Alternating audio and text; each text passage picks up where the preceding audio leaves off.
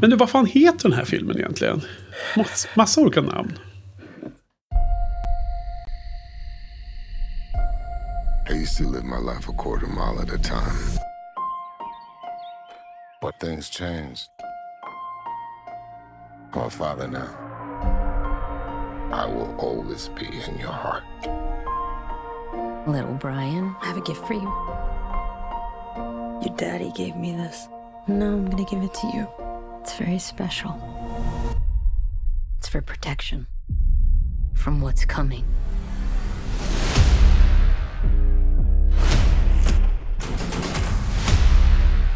All right, Dom. What's next? No matter how fast you are, I am not to be compared to you. no one outruns their past. I am more easy, you trying your best to become me. And mine just caught up to me. Been a long time, Dom. So we're up against a master thief, assassin, high performance driver. Who is he?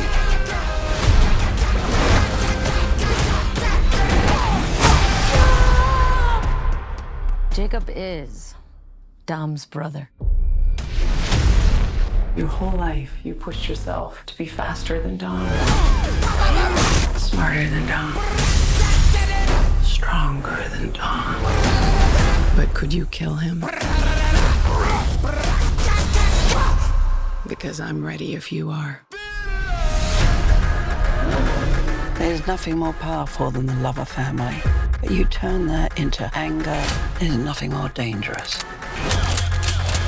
Maybe this is the end, but we're gonna go out together. You know I'd ride to the death with you.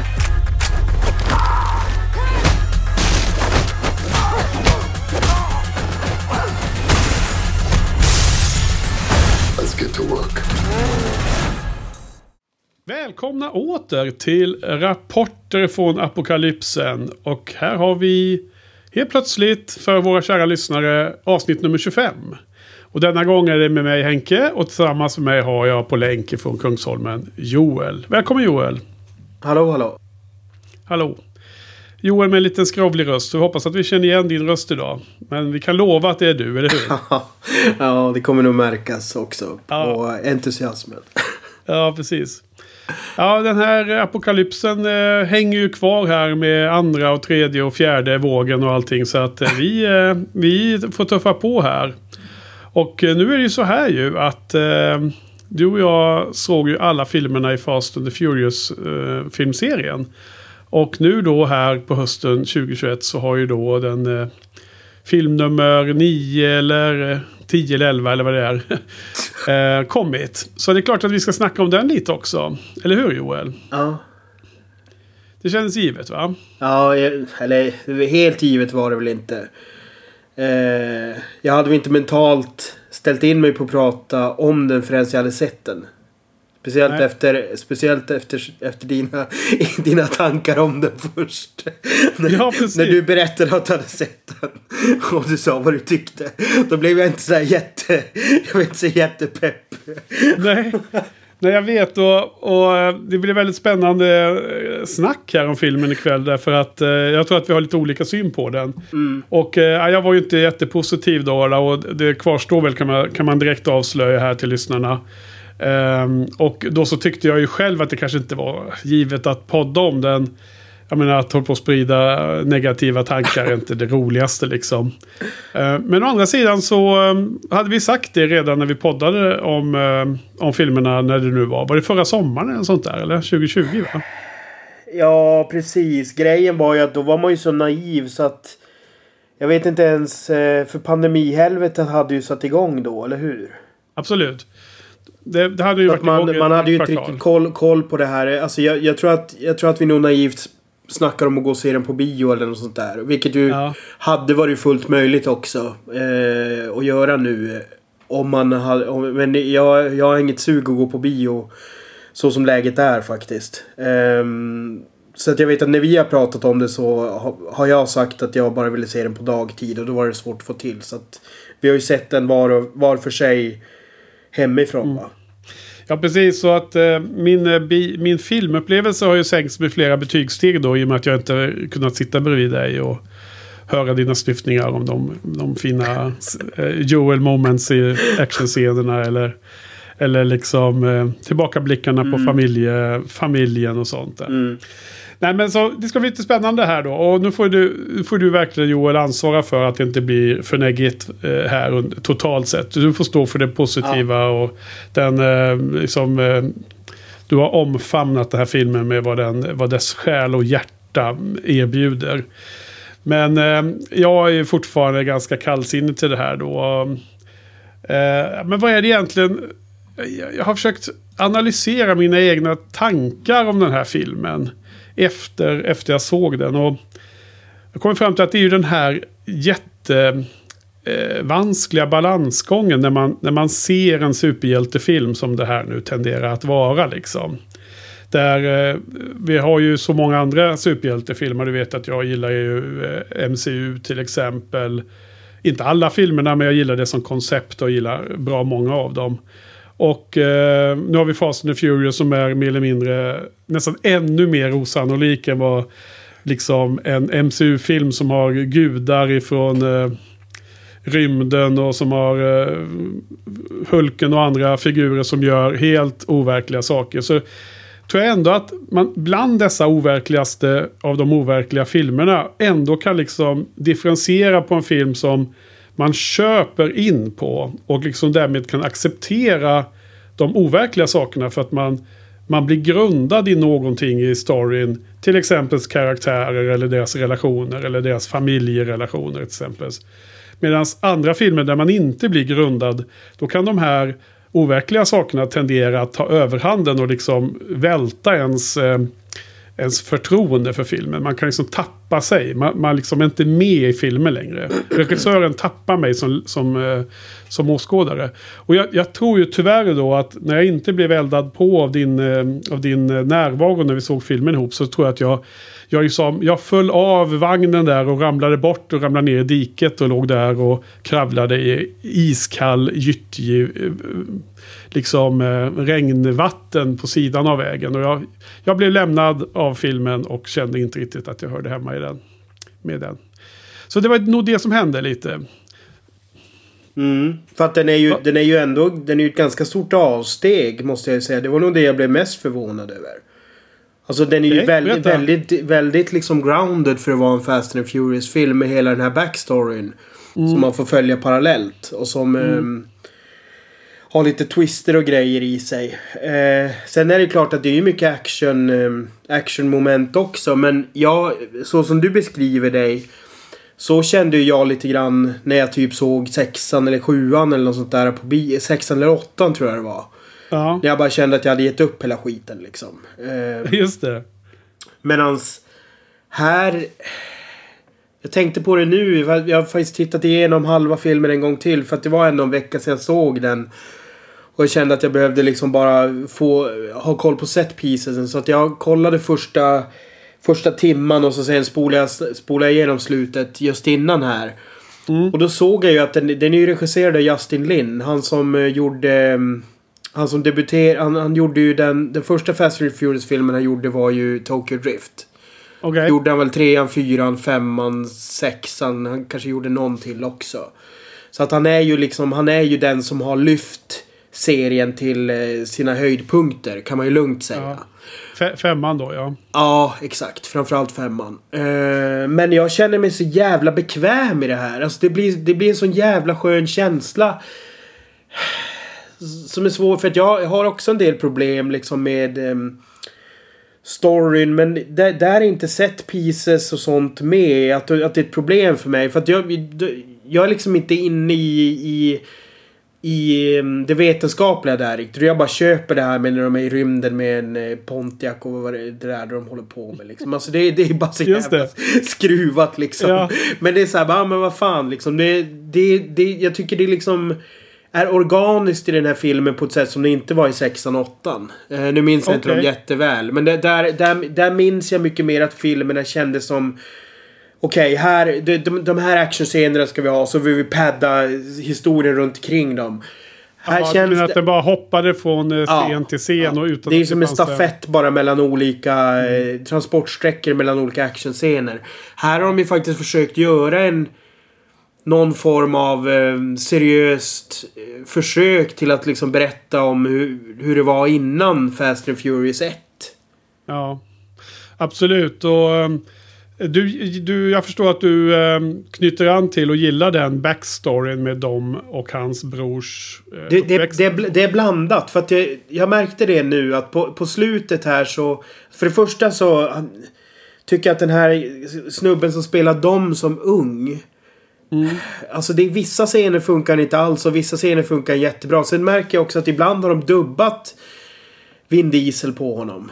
Tror jag. Har För att de? det, ibland är det typ Vin Diesels röst. Men det är den andra då som är, skådis liksom. Okej. Eh, men... Jag eh, men- och, och från, börj från början så kände jag bara att han är för gammal. Alltså jag, jag vill inte att Dominic Toretto ska vara liksom i... Han ser ut som han är i 25-årsåldern när farsan dör liksom. Jag har alltid sett honom som att han kanske var 15-16. Alltså som den är yngre brorsan mer. Eh, Mhm. Som han sen jagar ur stan. Och det, jag tyckte också att det var lite shitty att... att Dominic Toretto behandlar honom på det sättet också. Eh, att han liksom eh, inte ens försöker få ur honom en vettigare förklaring. Utan det blir som okej, nu gör vi, upp, gör vi upp ett street race och så får du dra liksom. Så att jag tycker den har svagheter också. Men på slutet när man, när man börjar förstå vad som egentligen hade hänt liksom. Då sitter jag, sitter jag återigen så här skitberörd liksom när han, när han går fram och så blir det ju liksom ett ett låtsas slut där ehm, där Dominic går fram till lillebrorsan när han sitter och gråter där på, på racetracken.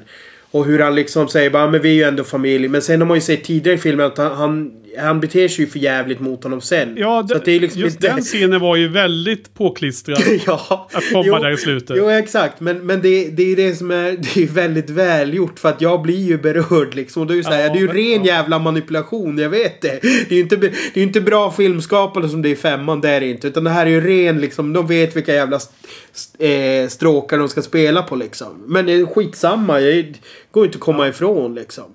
Eh, Nej, det ska man inte ta, ta ifrån det. Men tyvärr så reagerar inte jag så på de scenerna alls.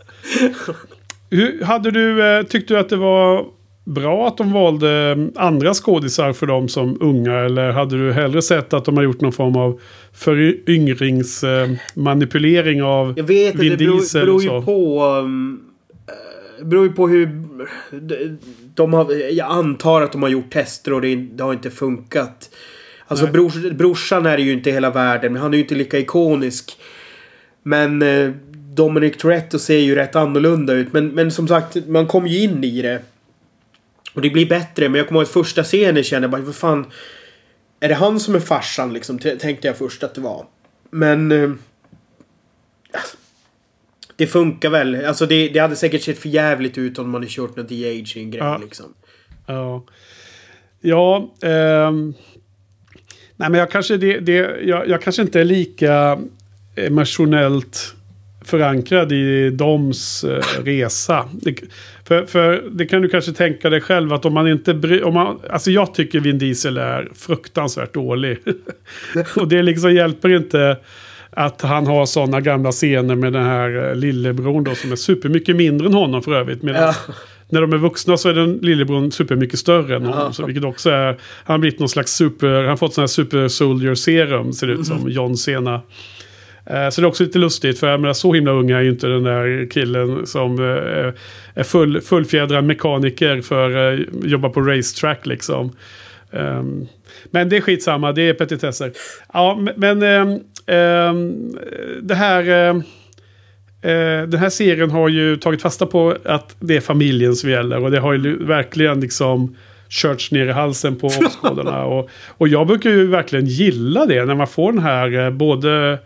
Ja, kanske riktiga familjeförhållanden också då är helt okej. men också när det blir de här familjerna som icke blodsband. Utan att det är ett team som blir en familj. Men, men jag tycker att alltså det blir... Nu, nu drar de det här om och om igen. Och i den här filmen så var det ju om, alltså det var så himla mycket de skulle liksom spela på det. Så att jag, jag liksom tyckte att det blev...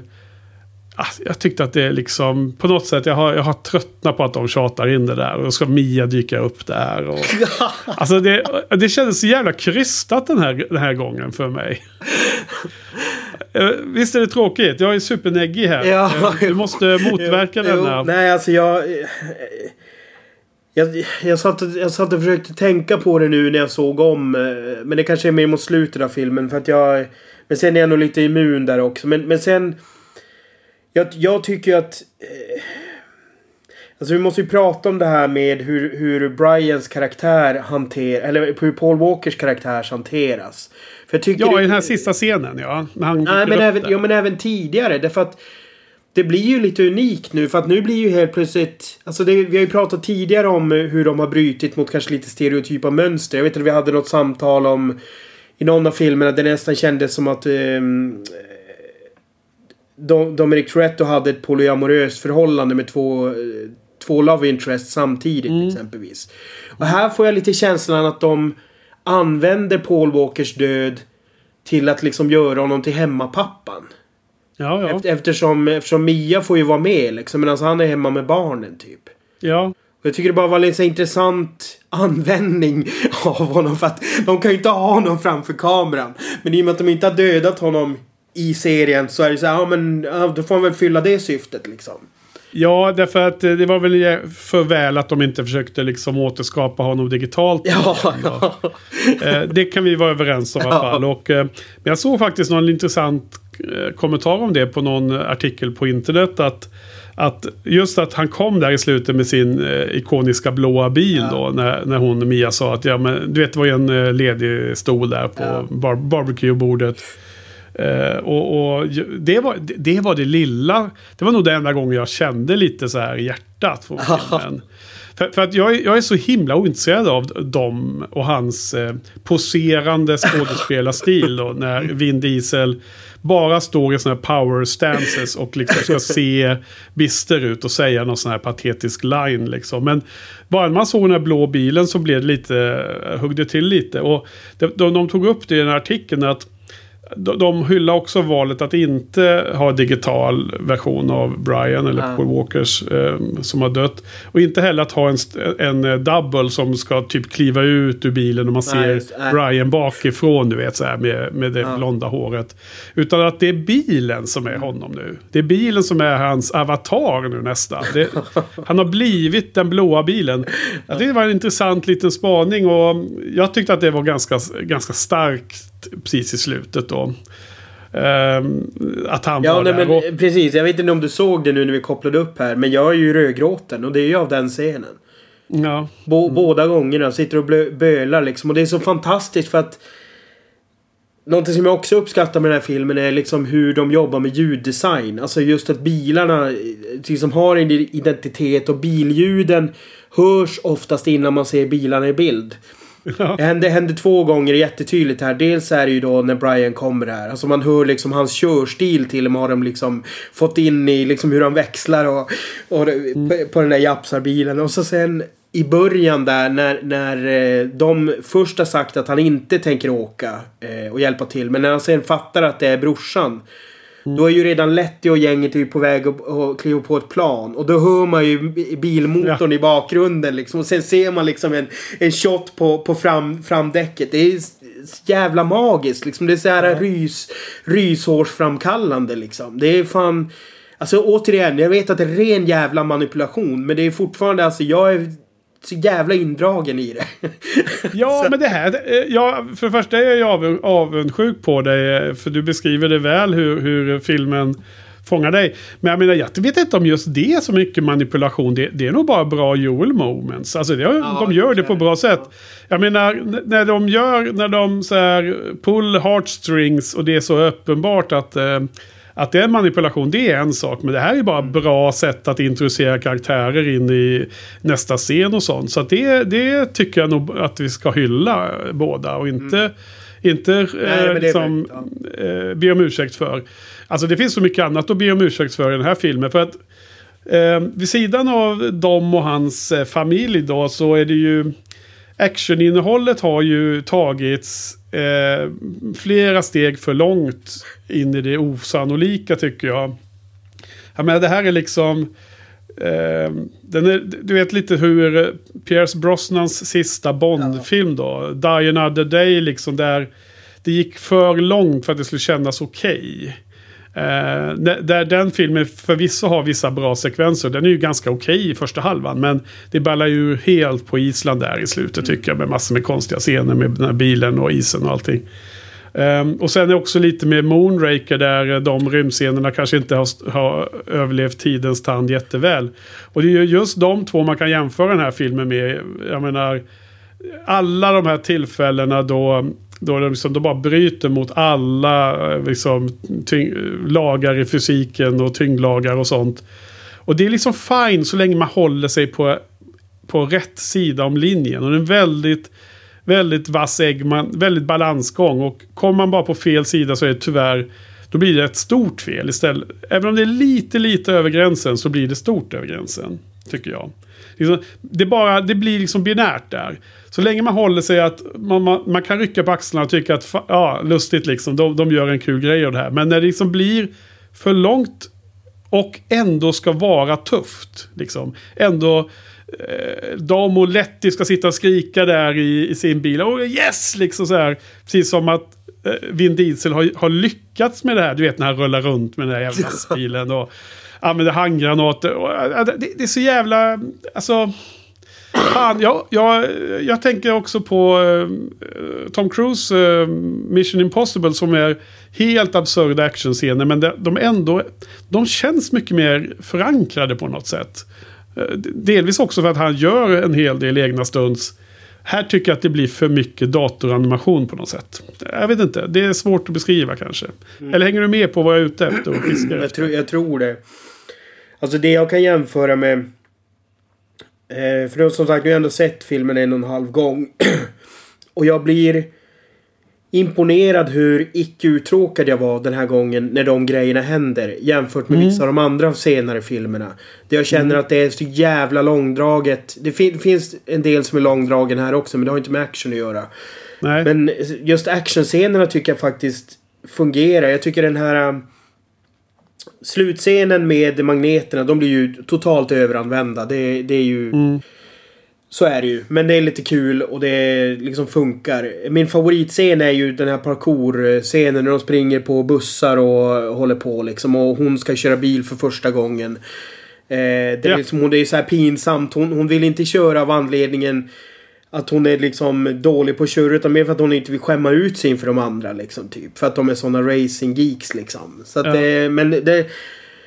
Just, just den scenen tycker jag var... Den actionscenen tycker jag var fantastisk. Eh, så att jag, jag, eh, jag, jag, tror att det, jag tror att det är personlig, eh, personlig känsla. För att jag, så som du beskriver det så känner jag igen mig att jag tyckte liksom vid åttan eller sexan. Jag har för mig att det är de två som jag tycker är svagare. Och naturligtvis ja den här jäkla spinoffen. Ja, den jäkla spinoffen ja. ja. Som jag gillar istället. Ja, precis. Nej men så att, så att jag, jag måste säga att eh, jag måste nog ge Justin Lin cred här. Att han är... Han funkar ju med mig uppenbarligen i hur, ja. hur han liksom lägger tempon och hur han klipper och sådana saker. Eh, mm. Däremot det som för mig var en, en nack... Eller så, som som jag kände var onödigt lite grann. Det var det här att de skulle skohorna in, eh, vad heter han, eh, japanen. Vad heter han? Ja, Han. Han, ja. Precis. Att han hade överlevt då, visade ja, sig. Alltså för del, dels så är det ju att... Um, eh, hela, hela hans för, förklaring till varför han lever Tycker jag de kunde ha gjort mycket enklare bara. Alltså det, det var eh, just där, där var enda gången jag kände mig uttråkad i filmen. För att visst, klart man vill ju veta vad fan som hände. Men jag tyckte att de gick in i överberättande där. Eh, för, och det, det, är väl att de är, de är rädda att folk inte ska fatta antar jag. Men här är det ju grejen att filmen har ju faktiskt legat på lager i två års tid. Så jag tycker att de borde ha kunnat eh, analysera scenen bättre och eh, klippt, eh, klippt om det liksom. Vad var det som var överdrivet, eh, för mycket berättat? Var det det här med eh, Kurt Russells eh, agentstuk? Ja, precis. Ja. Alltså att de behövde dra liksom hela backstoryn att han också var agent och si och så. Alltså jag, ja. jag, säger, jag säger inte att jag vet vad, hur de skulle ha klippt om det. Men jag tycker att det var enda gången i filmen där jag kände Move it on, move it on liksom. Ja. Och sen tyckte jag inte att han fyllde så jävla mycket funktion heller. Nej, alltså det var väl en... Det skulle vara en sån där... Eh, filmen hade ju ganska många sådana att det ska vara åh vad ballt Ja. liksom, vilken överraskning. Men, men så vitt jag kommer ihåg så syntes ju han i trailern. så att det var ju helt meningslöst. Ja, exakt. Alltså det, det, det, är därför jag inte fattar riktigt... Alltså det, det är ju en sak om han är med liksom i post credits och så blir det en hype kring det liksom inför nästa film eller någonting. Men nu när man har byggt marketing på att han ska vara med också och så är han ju med ganska mycket men utan att utföra speciellt mycket. Han gör ingenting. Nej. Alltså det, det enda gången som det blev en stor grej för mig det var ju när han kramar om den här snubben från trean på barbecuen också. När de återses. Ja, den där eh, vita killen vad han nu Ja. heter. Han som var huvudperson i... Exakt. I trean. Ja, men jag, jag, kände inte, jag kände ju igen honom och bara undrade vad fan jag sett honom? Men jag, var ju jag, jag är inte tillräckligt stor fan av den här tv-serien så jag, jag kopplade inte ens förrän efter jag hade sett den här filmen att det var samma snubbe som var huvudperson i, i eh, Tokyo Drift. Så att jag, jag var ju bara, jag är, jag är för usel Fast and the Furious-fan för att jag, jag gjorde inte ens den kopplingen på rätt ställe. Så även, för han var ju med bland de här tre snubbarna som höll på med rymdprogrammet. Så jag gissar att även de andra två hade man sett förut säkert. Ja, det har jag för mig. Det, det var länge sedan jag såg trean. Men jag, an, jag antar att det är åtminstone den svarta killen. Jag vet inte om det var samma skådis. Men det är samma karaktär i alla fall. Han som säljer grejer i trean typ. Ja. Eh, Men du, eh, vad ska vi ta den, slita av det plåstret då? Vad tycker du om de här rymdscenerna då? Liksom, ytterligare men ett alltså, tecken på att, jag- att de måste ta det ett steg längre hela tiden. De kan inte nöja sig att bara göra en bra film. Utan de måste balla ur åt alla håll och kanter hela tiden. Jo, men alltså grejen var ju så här. Jag hade nog förväntat mig så jävla mycket värre. Ehm, alltså jag tycker, jag tycker det hanterades helt okej liksom. Det, det låter verkligen som att vi har helt jävla olika uppfattning. För, det, för dig låter det som att det var jumping the shark moment på riktigt. Hela tiden var det. Jag, jag tyckte att det var li- Jag drog lite på smilbanden när han la in växeln i bilen för att åka framåt med, med eh, rymd, bi- rymdraketsbilen. Jag tyckte att de hade kopplat in styrningen av raketerna till, eh, till växellådan. Det jag tyckte var lite roligt i alla fall. Det blev en rolig scen ändå. Ja men alltså visst det är totalt over the top liksom. Men ändå så här. Så, så som filmen är uppbyggd så. Är det en organisk produkt. Och det är mer än jag kan säga än vad jag upplevt några av de andra filmerna. På något Ja. sätt. Alltså det hänger Jo, liksom jag- ihop liksom tillräckligt mycket. Och för att, jag, för att grejen är så här. I normala fall så sitter man ju och så bara ha skämskudden. Och så sen upptäcker man en massa andra fel och skit. Nu är det bara så här. Nu är jag bara liksom njuter av filmen och tycker det är bra underhållning ändå. Relativt mycket liksom. Så att det... mm, Ja men då, då har vi ju... Alltså för först är det jättehärligt att du uppskattar filmen mycket mer. Och, och jag... Jag tycker det själv är trist att eh, ha den här åsikten om en film. Men, men man får ändå representera den eh, upplevelse man hade när man såg den. Och den har ju inte förädlat, den har ju inte liksom vuxit i efterhand. Och jag har sett massor med saker som, som, som har gjort att jag har förändrat åsikterna. Det kan ju gå åt båda håll det där. Ehm, det har tyvärr inte hänt. Men, men jag kan bara konstatera att du har liksom inte fallit över den smala, smala gränsen som jag beskrev. Och, och, och jag tror att det är kopplat till att, att, att jag saknar de karaktärer som jag har gillat mest i Fast and Furious-serien. Och jag får ett overload av eh, dem och Letty och Mia. Liksom de, de, de som är de absolut tråkigaste karaktärerna i hela den här franchisen. Och ja, det blir bara dem liksom. Och sen tycker jag inte John Cena bidrar med... Nej. Alltså han, är jävligt tråkig den skådisen också. Ehm, så jag, jag saknar... Ja, jag saknar Brian. Jag saknar framförallt uh, Dwayne Johnson. Han verkar, de verkar ju vara osams, va? han och, och vad heter han, Vin Diesel. Och jag saknar... ehm, eh, Jason Statham eh, förstås. Så att jag menar, hade de ju klämt in hans mamma där bara för att hon var så populär i den här, eh, var det spin-offen hon var med i eller vilken? Mm, nej, men hon, hon har även varit med i... eh, Åttan kanske? ja, precis. Ja. Så att då ska hon vara med i en scen där som också var så här, bara helt random. Men eh, på tal om Statham då. Han var ju med i den här eh, mid, eh, mid eh, credit scenen här då. Som, eh, är en slags bygga inför framtiden. Va, va, vad betydde den scenen ens? Vad var det han gjorde? Jag minns inte, jag har inte sett den två gånger men det är väl säkert en plantering för eh, en Hobson Shaw 2 skulle jag tippa. Åh, fan vad bra. Härligt. ja, och, och kommer, det var någon kvinnlig med också där i Hobson Shaw. Var det någon dotter eller något sånt där som var badass? Men det var väl Statams syrra? Ja men så var det ja, precis. Ja, Hon den där brittiska Ja, skådespelerskan. precis. men du, eh, på tal om brittisk skådespelerska. Jag vet inte, hur, alltså, du, har ju, du har ju sett lite av Game of Thrones i alla fall. Och hon som spelar den här, eh, vad heter hon nu då? Vad heter karaktären? Hon som inte kunde köra bil. Vad heter Ja, hon här. Ja, eh, Ramsay Ja. heter hon ju. Och det är ju skådisen heter ju Natalie Emanuel läser jag här nu då. Och hon, hon är ju med i Game of Thrones och spelar den här... ehm, när, en av de närmaste personerna till Danny. ehm, Mother of Dragons. Hon, hennes eh, kvinnliga följeslagare om man säger Ja, så. Hon börjar som en översättare då när de är i, i ökenländerna där. ja. Och det är så roligt för att eh, i den serien så har ju hon ju en annan dialekt.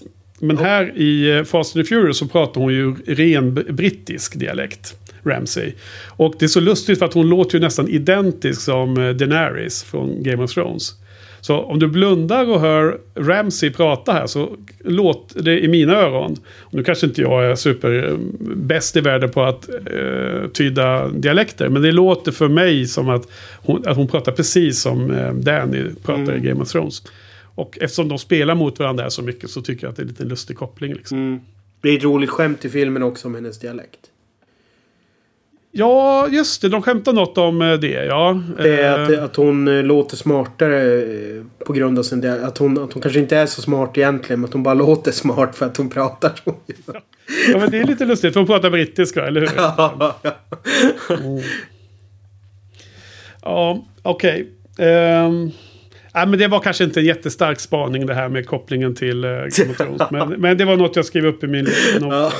ja, nej jag kan inte haka i tyvärr. Jag har sett för lite Game of Thrones. Eh, Ja. Nej men... Ja, hon sen- kanske inte jag- ens var med i, se- i serien så långt du har sett eller? Nej, ja det kanske hon har varit. Men hon var nog... Jag minns ju... Hon, hon är säkert med där i bakgrunden. Men jag, var ju, jag såg det ju när det var nytt och det var ju sjukt länge sedan. Men det var ju bara två säsonger jag följde. Men- 2010, ja. Mm. Alltså det, det, det, som är, det som är mest klurigt för mig ändå. Nu är det ju så här. Nu är filmen klar och gjord liksom. Men jag, jag kan ju på ett sätt känna... För att jag har ju inte det här Do, Dominic Toretto-hatet som du har. Uppenbarligen. Alltså jag... Men hat är för starkt. ja, det låter ju nästan som...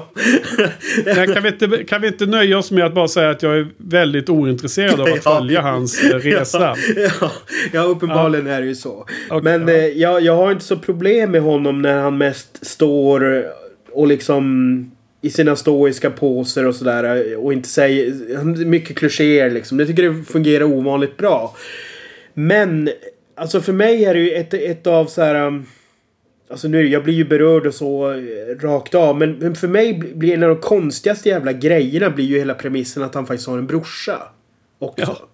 Ja. Därför att han, han, det känns verkligen som att han han förlorade sin pappa tidigt och han var typ tvungen att fostra upp sin lilla syrra liksom the hard way och liksom eh, han har lärt sig på, han har lärt sig leva på gatan i Los Angeles, du vet, vara gatsmart och köra street East, LA. Ja. Ja, medan, medan hela den jävla grejen med att det, att det har funnits en brorsa blir liksom bara rubbar hela jävla balansen typ.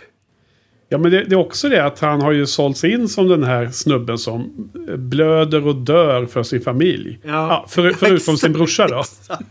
Precis, för det, jag håller ju med. Det där blir ju en jättekonstig grej så som han beter sig. Eh, för som sagt, även om det hade ju funnits andra sätt att lösa det på än genom ett street race där ju brorsan eh, får, får liksom lämna liksom. Det känns rätt jävla drastiskt.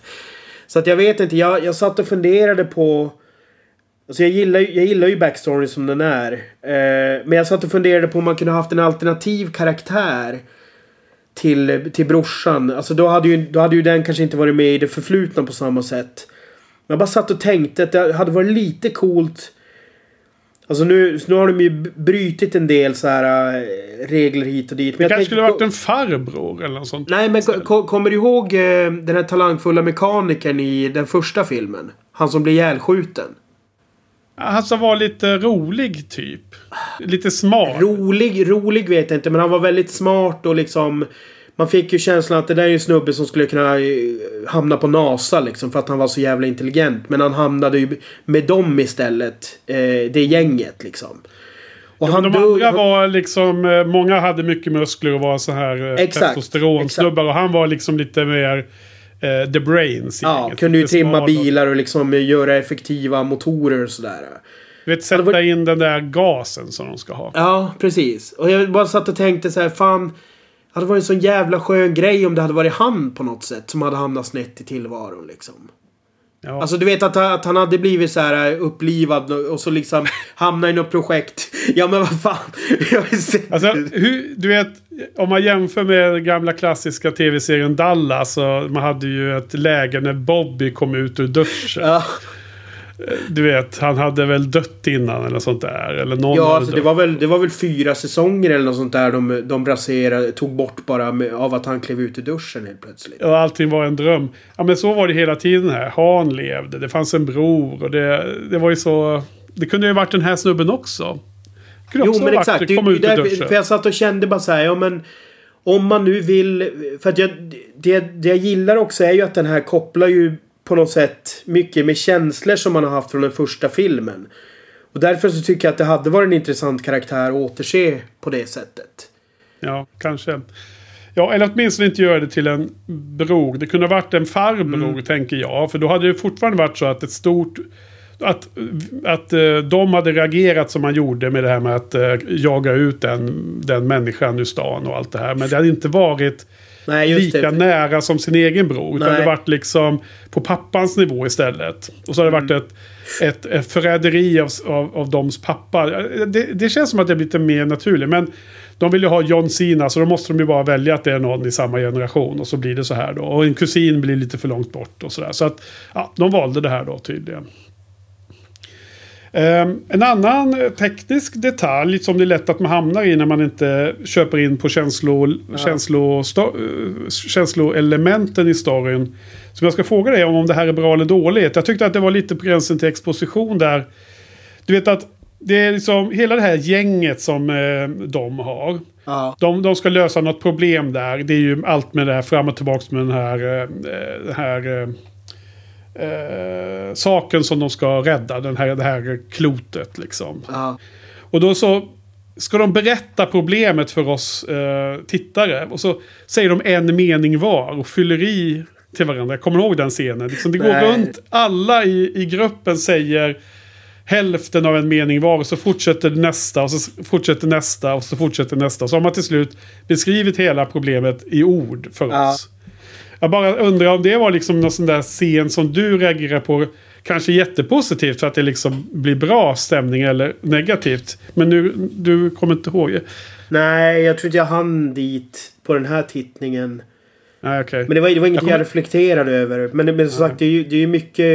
Det, är- det, det är få grejer som fick mig att, att liksom haja till på ett annat sätt än att jag blev liksom positivt indragen. Så Ja. det, Nej, jag, jag vill inte döma ut den scenen rakt upp och ner. Jag bara ville fråga vad, hur du reagerar på den tekniken som de valde där. Det, det liksom blev ju lite så här att, visa hur hela gänget eh, liksom slöt sig bakom Ja. sin task. För jag tror att det är någon scen när de föreslår något och så, så ska han, eh, vad fasen heter han då, som alltid säger nej till allting för det är för farligt. Roman säger Ja. nej. Och sen så diskuteras och så säger de de här meningarna allihopa. Och så till slut är ju alla med då. då. Eh, men eh, okej, då, då skippar vi den. Eh, alltså jag, jag, Det ju- jag måste ju fan ge Roman cred. Alltså det är ju, det är ju liksom... Han behöver, han behöver inte oroa sig för vad han ska göra framöver liksom. För att det är, han, han kan ju spela den här rollen i 20 år till liksom. Utan problem. alltså det är så här. Även, han kör ju också extremt klyschigt och du vet det är så här. Alltså han improviserar ju säkert sina, de här jävla linesen han har liksom eller någonting. För det känns så genuint hela tiden. När det här om att han kompenserar med att åka omkring i den där jävla pansarbilen. Och så säger han så här "Co- compensate this. När han kör sönder någon militärbil där. Och så att han alltid liksom är, alla andra liksom är liksom och retar honom liksom. Så här, det, är- det är bara bra kemi på något sätt. Jag bara köper in i det. Liksom att, att det faktiskt är en karaktär som fungerar. Men fan, det här, det här filmserien är ju din Firefly liksom. Om man vänder på det. Du, du gillar alla karaktärerna och då köper du lite vad som helst. Ja, Ja. jag gillar det. det. Så gör jag också när jag gillar. När jag gillar karaktärerna och då kan liksom massor med galenskaper som sker i handlingen bara bli helt oväsentlig. Så det är fine. Det, det funkar. Ja. Ehm, just det. Den här, det är någon slags McGuffin som det är någon, eh, ett klot som man sätter ihop och då blir det världens mest energirika pryl. Det är någon slags eh, Nej, men den, tar ju, Infinity den, tar ju Stone. över, den tar ju över all kod. Ja, ja, men de, precis, de ska få all makt i världen. Det är ja. Infinity-stenarna igen där liksom. Nå- Någonting som är jätteviktigt att få tag på och sådär. Och så är det någon Alltså det, som det, det, är ner. så, det är ändå så jävla... Alltså jag vet ju att det är ingen som liksom kopplar det till den första filmen. Men det är ju så jävla roligt ändå att första filmen så handlar det typ om att Dominic Toretto snor DVD-spelare från eh, liksom lastbilar. Och i liksom de tre senaste filmerna så är det liksom James Bond-plott gånger fem liksom. Ja, upphöjt i eh, Mission Impossible och sådär. Ja, ja.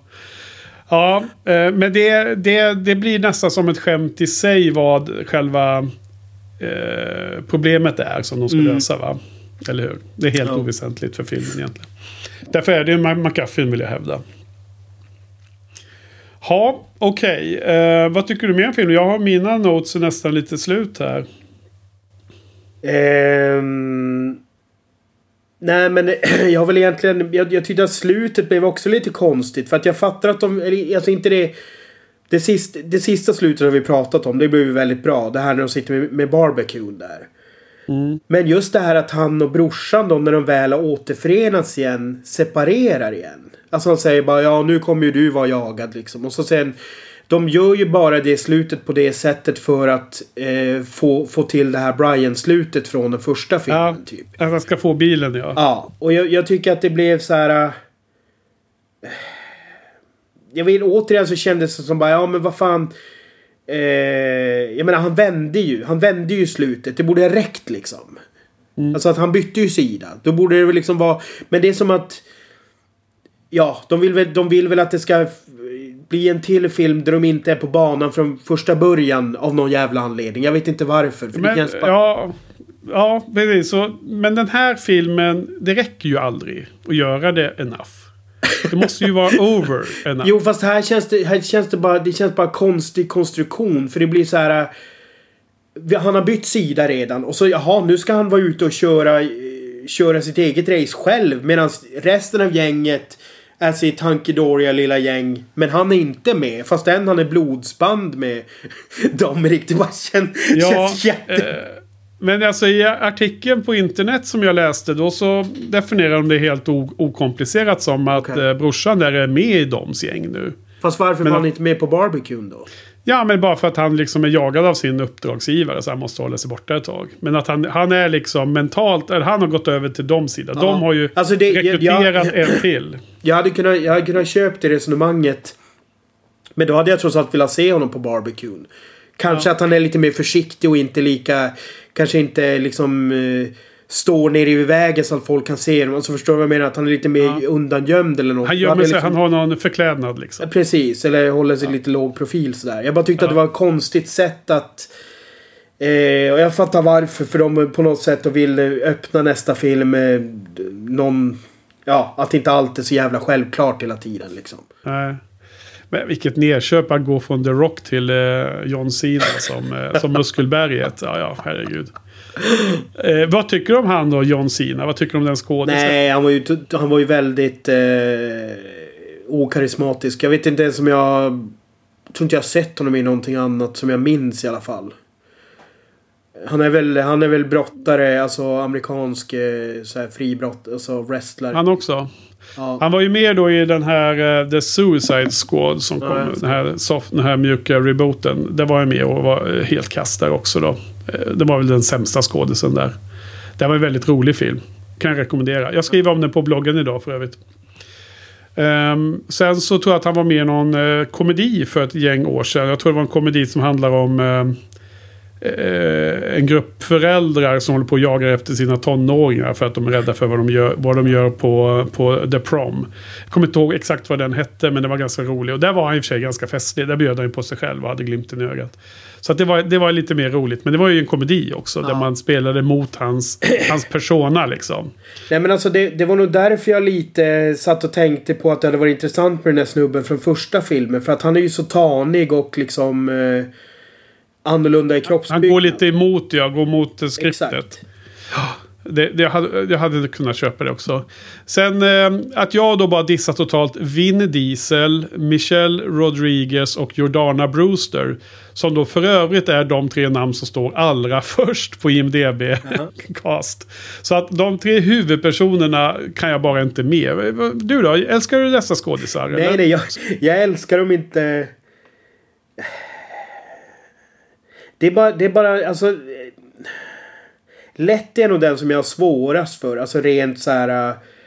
Eh, hon, är den, hon är den som funkar sämst, tycker jag. Eh, de andra liksom är... Alltså Mia tycker jag också de kunde ha gjort mer med. Alltså nu är det så här, ja hon är med och så har hon någon jävla fight-scen i Tokyo liksom. Men jag kommer ihåg att hon kör ju bil och är badass i ettan och sådär. Jag tycker mer det var liksom bättre användande av henne där liksom. Nu, Så att hon är inte heller någon... Jag tyckte nog, där tyckte jag att det var det intressanta att de använder liksom det nästan som, om, som en slags feministisk vinkel. Att mannen är hemma med barnen och hon är den som är med. Fast ändå i alibi säger då i filmen att ja, det är för att hon är syskon med eh, Jacob liksom. Men det är, Ja, det är därför, det är därför hon ska vara, vara med och, och Precis. reda upp det här. Men sen jag, jag fattar ju kanske varför de vill ha... Eller egentligen så är det ju lite så här. Jag tror att filmen hade ju, det hade gjort varken till eller från om hon hade varit med eller inte.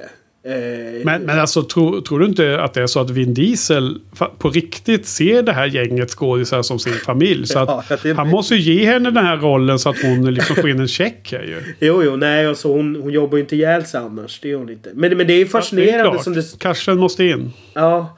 Men eh, det, det är ju fascinerande för att som du säger så... Alltså den, den som hade överlägset mest karisma av alla det var ju Paul Walker. Eh, och han är ju inte med längre.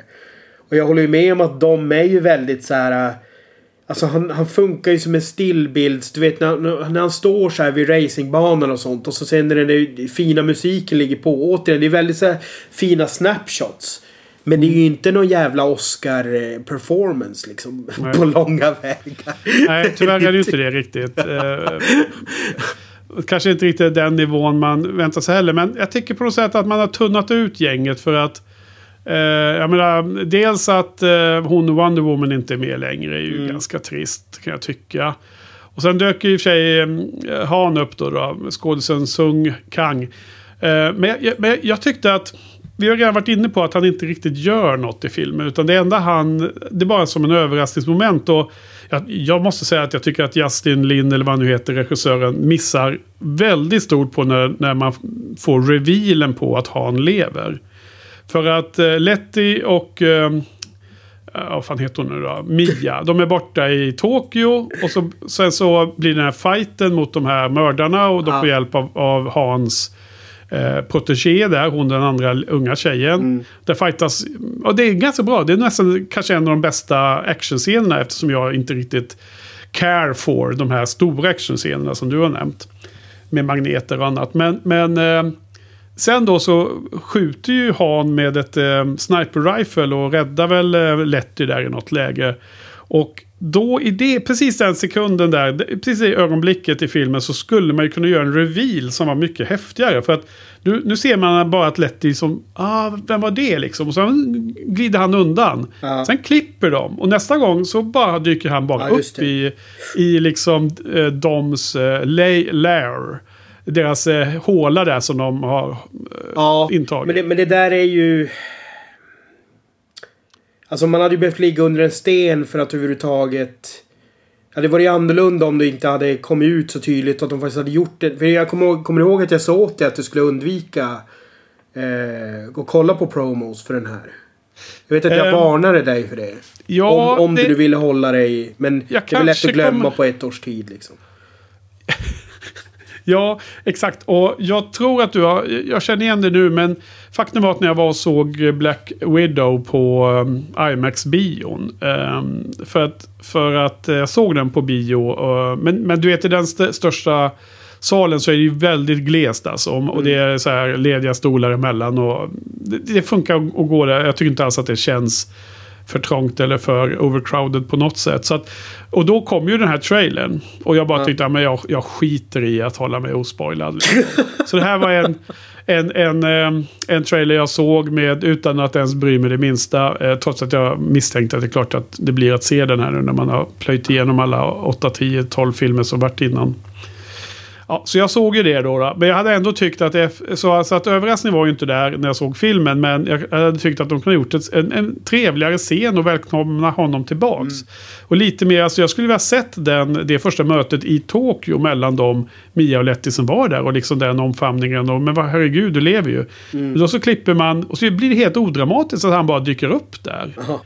Det är liksom inte, vad fan, då får de ju göra en scen då. Då får de ju kasta in lite rök och lägga på någon bra musik. Så får han komma där i, som en annan Luke Skywalker gående genom röken. Och så ska det vara liksom mäktig musik och så är det han helt plötsligt liksom. För mig, för mig blir ju det så här att jag, jag har ju... Eh, jag har inte heller kollat några promo-grejer. Men jag kommer ihåg att jag eh, dök på någon sån här jävla sida på... Eh, ja, amerikansk filmblogg.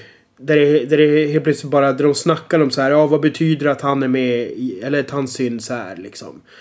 Så att för mig är det ju, jag, jag har ju bara okej, han är ju med liksom. Och jag vet, jag vet ju att Justin Lin har ju uttryckligen sagt att Han var en av hans favoritkaraktärer. Det var ju därför det blev som det blev. Alltså att han, det var ju inte tänkt att han skulle vara med mer än trean. Men i och med att Justin Lin gillade honom och publiken gillade honom så, så gjorde de ju det här konstruerade upplägget som, som det blev liksom.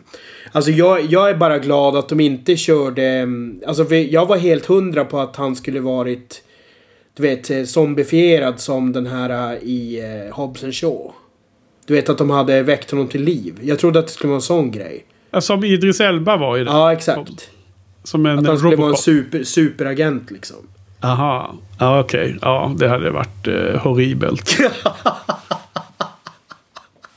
Så att där får man ändå säga att de gjorde ett rätt beslut i alla fall. Ja.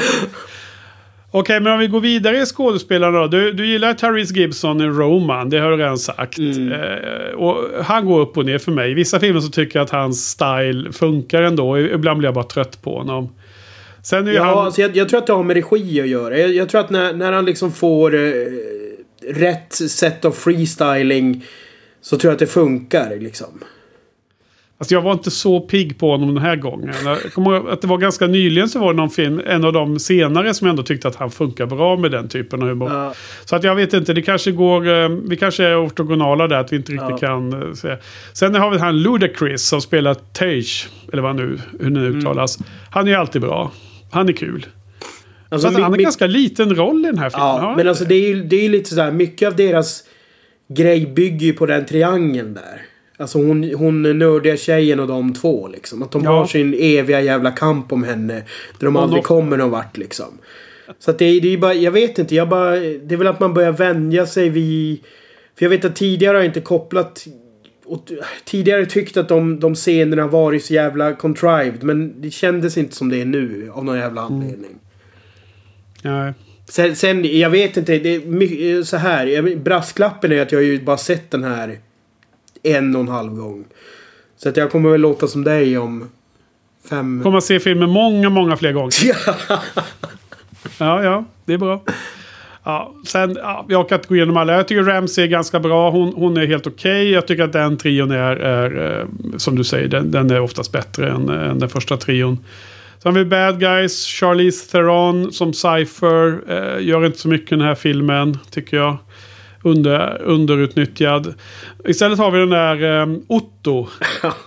Ture Erstedt Ra Rasmussen. Kanske en norrman. Eller dansk eller sånt där. Ja. Han är dansk, ja.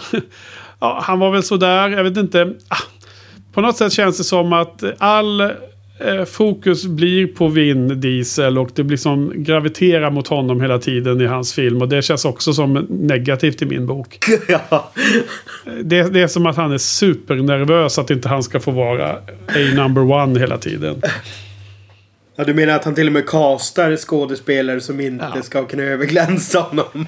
Ja, men han har till och med starka karaktärer och starka skådespelare som inte ens får göra något i den här filmen. Men han, men, men han själv får stå i olika poser. Och, Ah, vad- det är så jäkla hemskt när han ska offra sig i den där, eh, i den där eh, trappuppgången. Ja. eh, När Letty har räddat sig och så ska han få stå där. Massor med olika shots. Och han, han drar ner kedjor och hela taket Ja. faller på honom. Men ändå hamnar han i vattnet utan att en enda stenbit kommer på honom.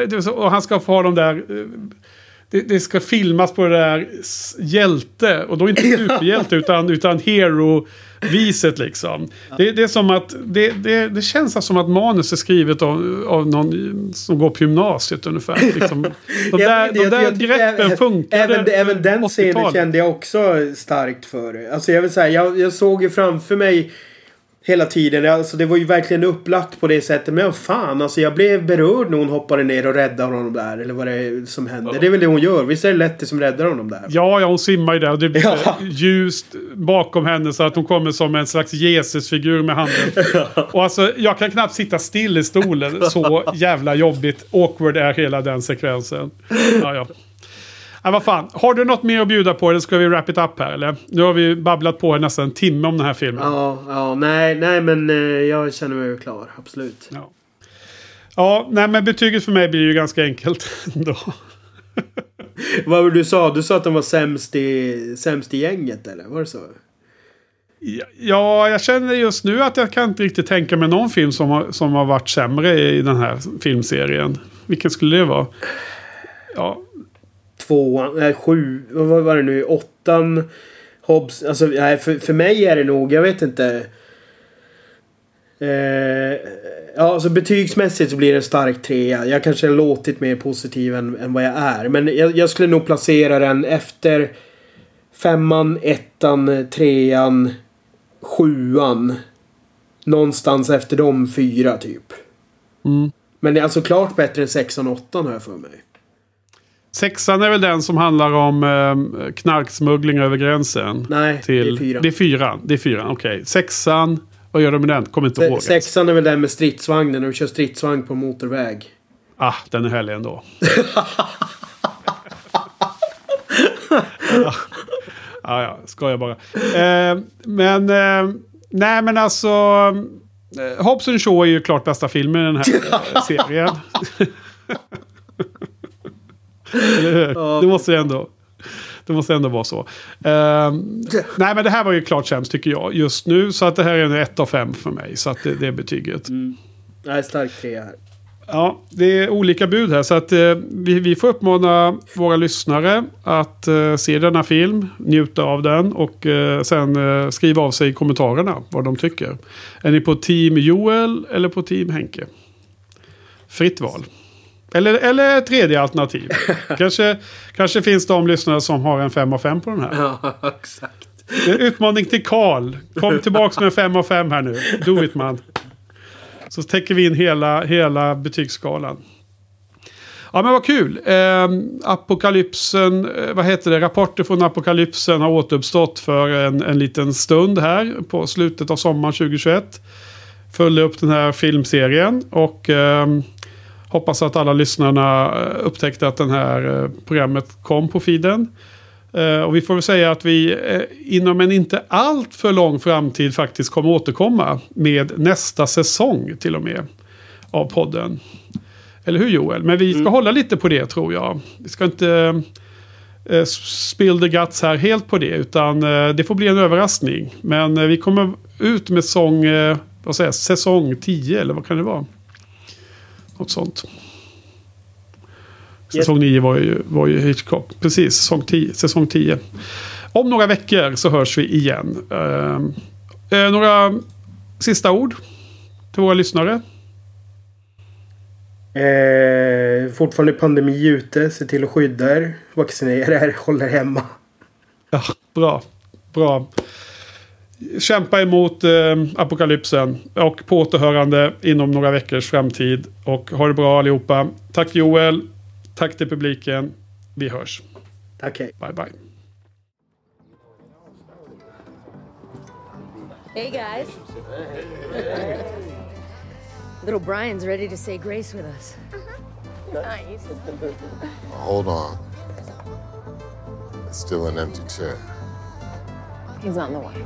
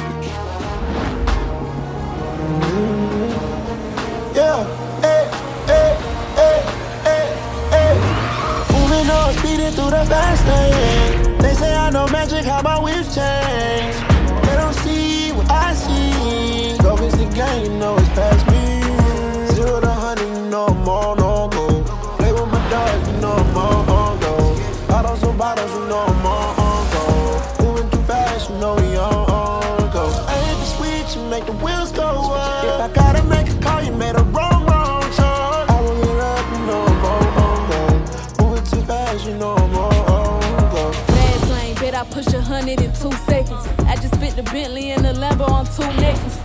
Take 'em on a high speed, I'm too reckless. Demon time, when I'm in that demon, they can't catch. me. Bet they get the message, I'm the best of the best. And I'm still waiting for a bitch to check. Who want the smoke? Better hope you don't choke. I be riding two seater, it's just me and the scope. Yeah, I like my gangster with a mouth full of goals. Uh, he hit the lotto, that's gold. Moving on, speeding through the fast lane. They say I know magic, how my whips change.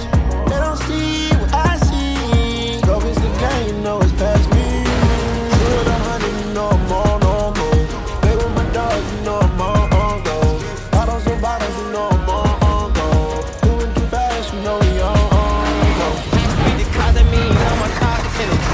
All the scammers calling me with cars, I need of them. How these six flexing with these cars, knowing they rented. I could put some rappers all on blast, but ain't gon' mention it.